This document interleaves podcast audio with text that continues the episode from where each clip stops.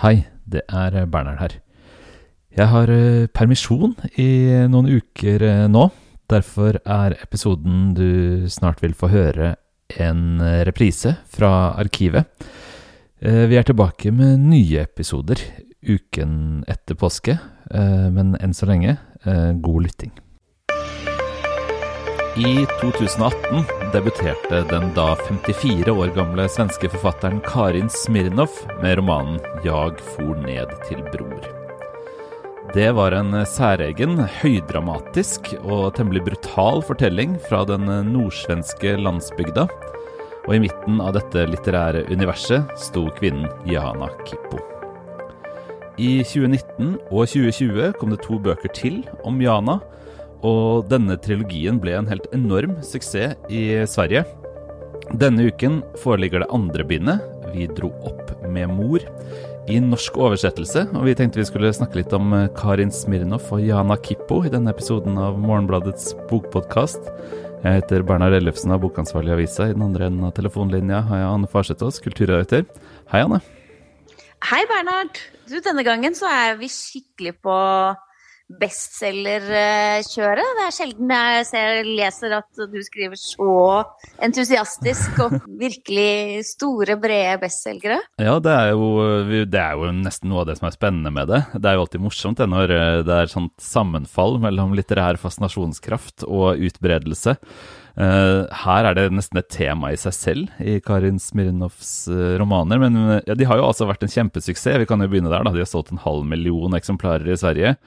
Og, ja, da snakker vi ikke litt suksess. Det en halv million, det er uh, sjelden. Knausgårdnivå, da, uh, rett og mm. slett. Mm. Um, I Norge kom den første boka en, altså i oversettelse og gjorde vel ikke all verdens utslag på den litterære seismografen, men uh, nå kommer bind to. Jeg tror, jeg tror, nok norske lesere også vil liksom ta igjen Jana Kippo i eventyret her. Ja, for jeg tror ikke at uh, navnet Karin Smirnov sånn umiddelbart uh, vekker så mange assosiasjoner her til lands foreløpig. Nei, hun debuterte jo i 2018, som sagt, så det er jo et uh, ferskt navn, selv om hun jo ikke er pur ung. Det er jo i seg selv spennende også, en sen debutant, dette.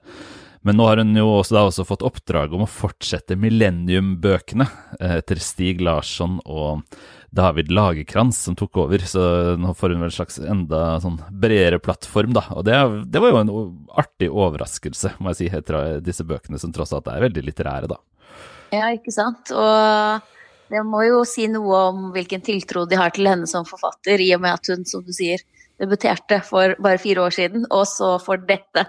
Eh, tross alt eh, prestisjetunge og lønnsomme oppdraget her. Ja, det er jo liksom en verdensbedrift, dette Millennium-universet. Eh, jeg må innrømme at jeg ikke har fulgt det videre etter at jeg leste den første boka, men, eh, men man kan i hvert fall tenke at det har mye å si for, for, for mange, hvem som skriver de bøkene. Men, mm, men dette her, det er vel ikke krim sånn sett? Altså, hun har fått dette krimoppdraget, men er dette her uh, Dette er vel ikke krim? Ja, Det er jo også et eh, litt morsomt spørsmål, syns jeg egentlig. Eh, vi kan jo begynne med å si litt mer sånn konkret hva som skjer her, da, så kan vi se om vi klarer ja. å sirkle inn hva det er etter hvert. Altså, eh, det er tre romaner utgitt på tre år. Eh, på svensk eh, foreligger de i en samlet utgave under tittelen Jana Kippo-suiten, altså det er en trilogi hvor vi følger kvinnen Jana Kippo gjennom to år av hennes liv. Vi aner vel at hun er sånn i andre halvdel av 30-åra, kanskje 5-36, eh, da vi møter henne. Da dukker hun bare opp på en, en landevei i en fiktiv eh, by i Vesterbotten nord i, i, Sverige. Hun går hjemover mot familiegården, skjønner vi, hvor hennes bror, som heter Bror og er hennes tvillingbror, eh, bor. Eh, men hun tar en avstikker. Hun møter en skikkelig sånn halvskummel type fra bygda, som er, har hareskår og er brannskadd i ansiktet og alt mulig. Og tar seg en tur innom huset hans og ligger med han før hun kommer hjem. Og det setter vel tonen da, for et univers av liksom ganske sånne halvbrutale skikkelser og sex og familieintriger og, og voldsomme greier. Og så er det liksom tre faser i disse tre bøkene, da, hvor hun først uh, liksom vender hjem og til bror, da, hvor vi på en måte får vite om hennes familiebakgrunn og liv, barndom, som er helt for jævlig. Og så i bok to så, så, følger vi henne til morens hjemsted, som er enda lenger nord i Sverige, i Norrbotten, der uh, i Tornedalen, hvor de snakker finsk i Sverige. Og så i den tredje så reiser hun på en måte litt ut til Stockholm, til Bohuslän, og forfølger et spor som vi bare har ant tidligere i bøkene, om at hun har et litt sånn kunstnerisk prosjekt. Hun lager skulpturer i Anakipo. Selv om hun jobber hjemme som hjemmehjelp og har ikke dette som noe profesjonell geskjeft i det hele tatt, så, hun, eh, så har hun dette kunstnersporet da, som liksom kommer mer i, frem i bok tre. Mm. Her var det veldig mye eh, på en gang, og det er jo 2000 sider dette her også. Ja, ja i, hvert fall, i, hvert fall, 1000, og det er jo eh, veldig mye. Altså dette er ingenting. Eh, det er helt sinnssykt å lese en bok her. Det er som en virvelvind. Jeg kan ikke huske nesten å ha opplevd maken. Det kan jo skyldes eh, min lesediett. Det kan godt hende at det finnes uendelig mange bøker der ute som ser ut akkurat som denne, og at jeg ikke møter på dem. Men her bare skjer det ville ting på hver tredje side. altså hvis ikke noen skyter seg, så blir de voldtatt av sin far, og det er incest, og det er eh, skjulte elskere og foreldre og søsken, og, og er, altså hun har hjemmehjelp. På liksom én sånn tur fra liksom gamling til gamling, så kan den ene ha skutt seg, og den andre kan si 'jeg var den homofile elskeren til din farfar', og så i den tredje døra så er det noe annet crazy. Det er helt sånn vilt stint av handling, um, som gjør det til en veldig underlig leseropplevelse, men som også får det liksom til å sprudle av liv, da. Eh, og så er det heldigvis ganske mye sånn tongue in cheek i verket på nettopp det her, da. Hvor heseblesende og vilt det er. Det er fordi det Altså, bare du sa dette med at hun går og ligger med han med hareskåret, så får man jo litt assosiasjoner til litt sånn bygdegrotesker, eller altså hvor eh, hvor vanvittig uh, vilt og annerledes lever de der? ja, ja. ja, det er veldig det er, Veldig viktig, det. Jeg synes hun har litt sånne klisjeer eller uh, stereotyper også, da. Hvordan kommer den seg Men allikevel så høres det ut som du liker det. Ja, altså det, det er jo virkelig en slags stereotypi her, liksom at uh, på bygda ligger alle med sine søsken.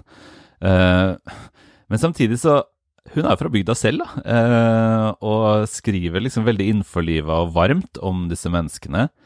Uh, og det, her er jeg oppriktig i tvil, og dette er noe jeg grub, grubla på under hele lesningen av disse romanene, er om dette her med klisjeen eller ryktet, altså at bygda skulle være verre enn sitt rykte eller sånt noe.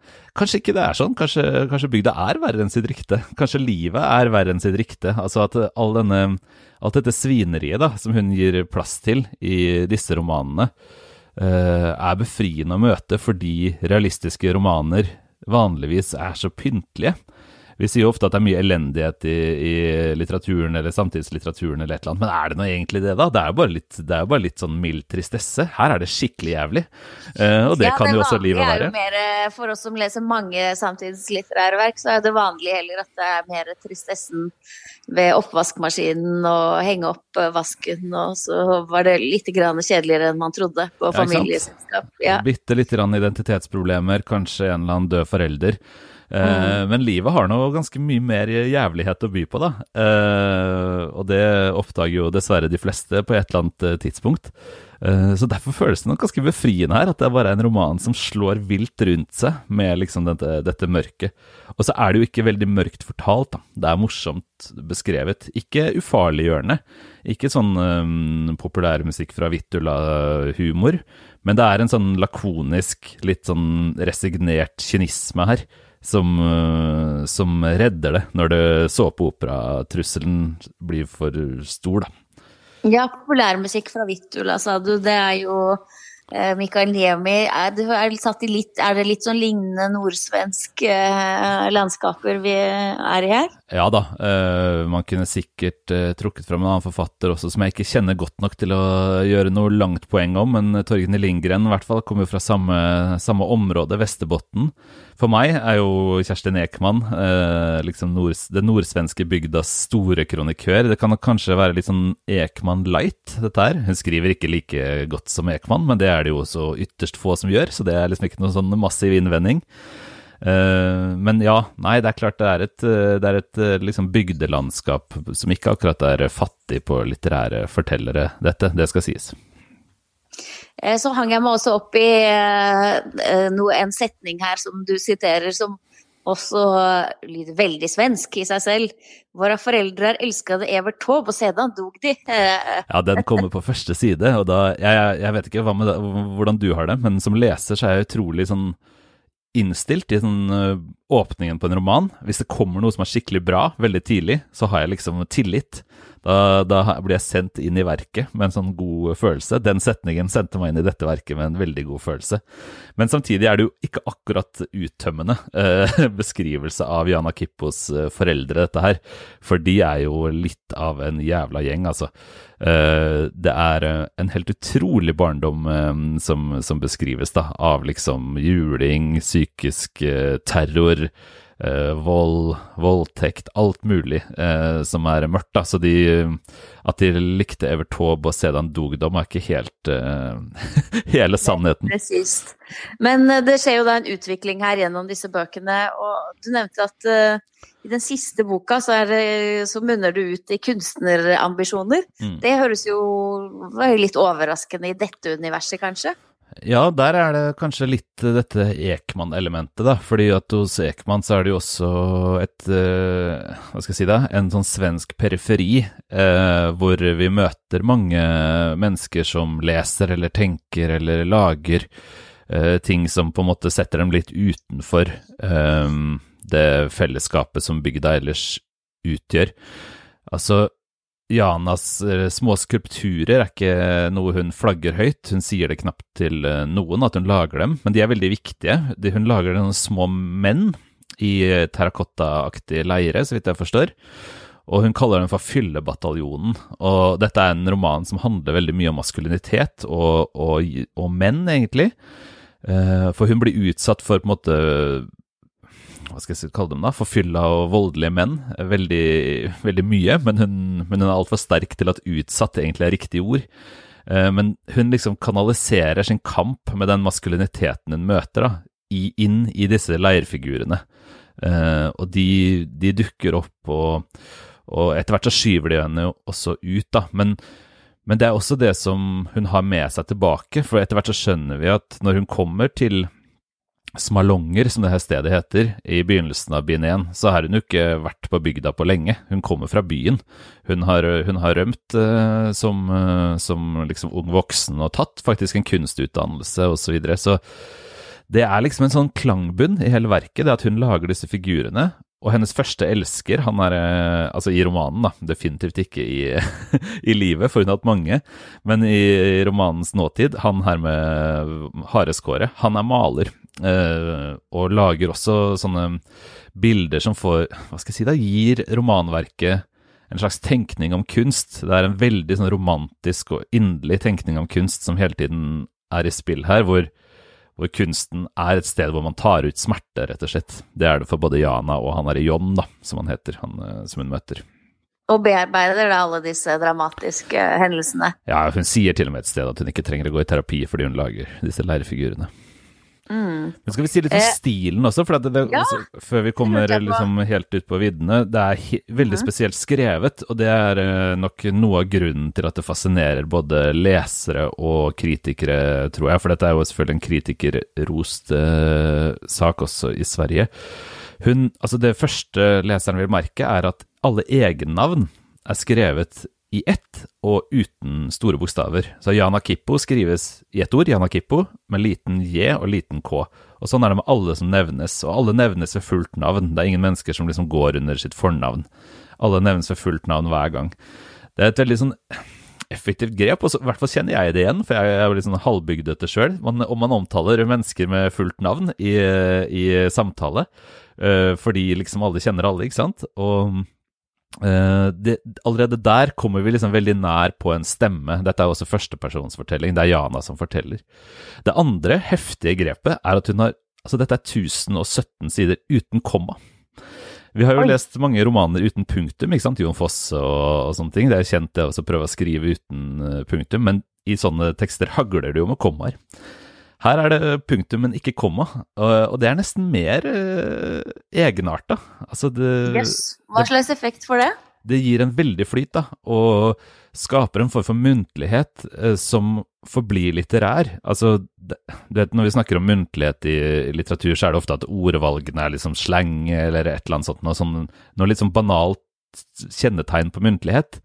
Her gir det en annen rytme, en slags sånn musikalitet i flyten, da, som, som jeg syns representerer uh, et menneskelig fortalt språk på en litt snedigere måte enn at ordene på en måte skulle være muntlige eller noe sånt noe. Det gir en, eh, en, sånn, eh, en sånn, flyt. Eh, men det gjør også at man, når man kommer inn i det, så blir det liksom et eget tekstlig univers med sin egen veldig sånn egenrådige gjenkjennelighet. For dette har man, har man jo ikke nesten sett før. Altså kommafri prosa for et påfunn. Så det eneste stedet der det opptrer kommaer, er der det gjengis brev eller dagboknotater skrevet av noen i romanuniverset. Der er ortografien konvensjonell.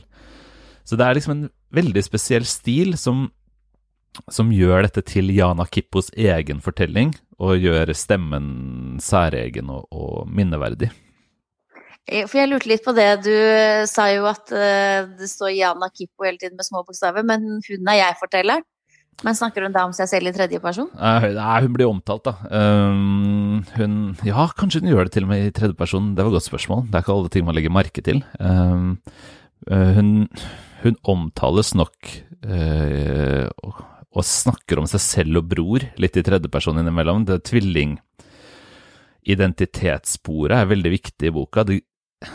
Hun undersøker liksom også hva det vil si å være tvilling her, egentlig. Uh, og der glir jo liksom identiteten deres litt i hverandre, da. Bror Kippo, Jana Kippo. Det, det surrer seg til, og i hver av disse tre bøkene så har hun på en måte en slags sånn uh, vergilaktig følgesvennskikkelse som, som også er hennes elsker, da. Og i det tredje boka er det en kvinne, og denne kvinnen ligner veldig på bror. Og da går liksom dette identitetsgreiene helt i surr, og da blir det jo også sånn halvincestuøst, selv den relasjonen. Så det, det blir en sånn mørk suppe. Så dette her med navnene og benevnelsene og forvirringen rundt det er nesten et tema i seg selv.